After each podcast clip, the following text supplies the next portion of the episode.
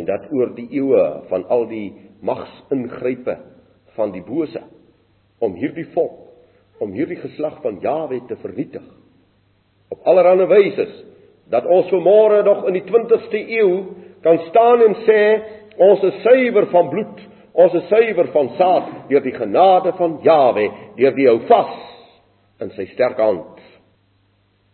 Prys sy naam, geliefdes, terwyl een ek hierdie dinge hoor, prys sy lieflike naam. En hy sê vir hulle ek maak oop en ek sluit toe. En waar ek toegesluit het, maak niemand oop nie. En waar ek oop maak, maak niemand toe nie. Die heilige en die waaragtige. En geliefdes daarom, omdat u en ek vanmôre beelddraers is van hierdie Vader, van hierdie verlosser. Daarom word ons ook al meer opgeroep tot heiligheid. Word ons al meer opgeroep tot waaragtigheid in ons denke, in ons strewes geweldige heerlikheid. Yeshua sê ek gee vir hierdie gemeente 'n oop deur. Ek gee vir hierdie broers wat in liefde wandel. Ek gee aan hulle 'n oop deur en niemand sal dit sluit nie. En ek wil net vir u wys hoe dat Paulus dit ook in sy lewe raak gesien het die oop deur. Ek lees 1 Korinte 16 vers 9.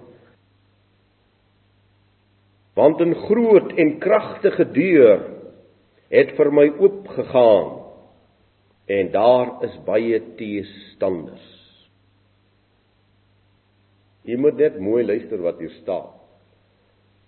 Hierdie man wat begryp het wat dit beteken om hierdie mags evangelie oor die aarde van sy tyd te dra, oor die wêreld van sy tyd. Hy sê daar 'n kragtige deur, 'n groot en kragtige deur het vir my oopgegaan. En dan sê hy wanneer hierdie deur oopgaan om hierdie waarheidswoord uit te dra, dan is daar baie teestanders. En as ons nou die geskiedenis ken, dan weet ons mos Hoe het Paulus gejuig en gejubel oor hierdie wonder evangelie? Hy het gejuig geliefdes, hy het gejuig oor die evangelie hierdie man. As mense wat nie verstaan nie. Maar ek wil vir u sê in dit wat vir ons oorgelewer is, in dit wat vir ons opgeteken is, is daar min min evangelie dienaars wat geskryf het wat Paulus geskryf het rondom die evangelie rondom die genade en die liefde en die wonder van Jawe. Daar is niemand wat die liefde so mooi beskryf het soos Paulus nie. Wie kan ons maar 1 Korinte 13 mos gaan lees. Daar is niemand wat die oorwinningslied in Jesua geskryf het soos Paulus nie. Ek lees vir u.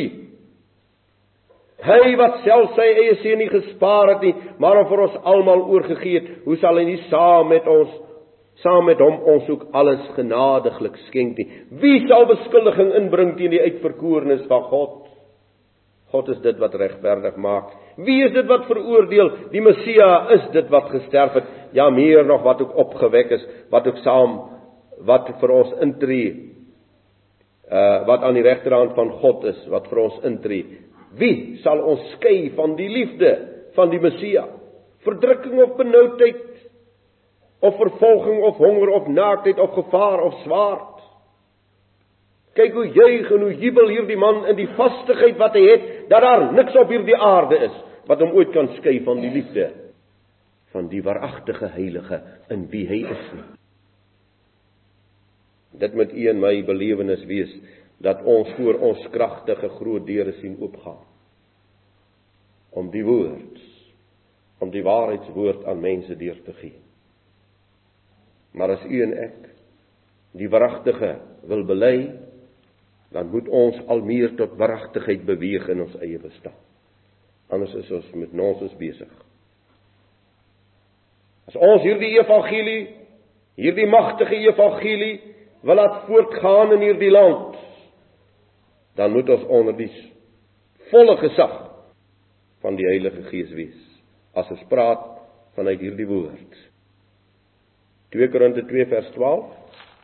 Kom maar net so omlaai.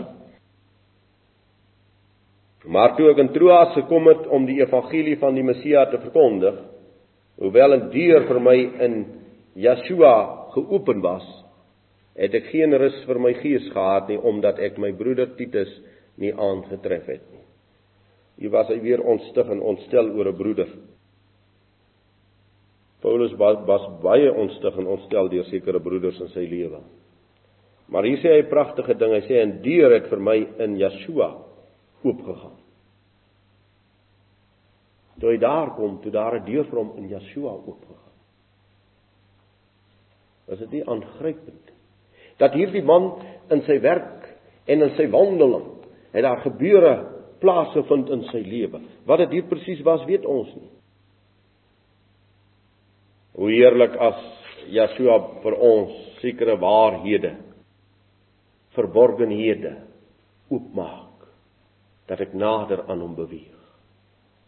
Paulus sê vir die Kolossense gemeente Kolossense 4 vers 3 en bid te gelykertyd ook vir ons dat God vir ons die deur van die woord mag open om te spreek van die verborgenheid van die Messia waarvoor ek ook in boeye is.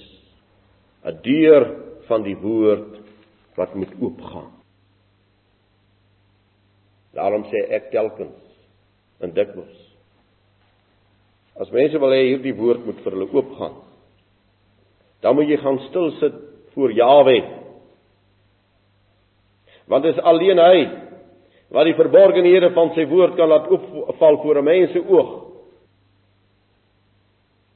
As u die waarheid van hierdie woord wil ontvang, dan moet u net stil wees voor Jawe. Daar's baie mense wat heen en weer gaan krap en skrywe deur die Bybel. Dit openbaar nie die skrifte aan jou nie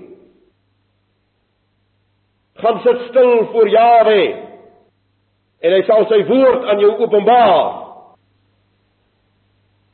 Daarom het ek so dikwels al gesê moenie na die skrif toe gaan sonder die Heilige Gees nie. Paulus pleit by die gemeente bid vir my dat Jawe die verborgenhede van sy woord aan my as leraar sal openbaar sodat ek die volle raadsplan van die Almagtige aan julle kan bekend maak en vreesloos. Die skrifwoord word oop deur. En ons begryp en ons verstaan al meer van hierdie heerlike plan van die Vader.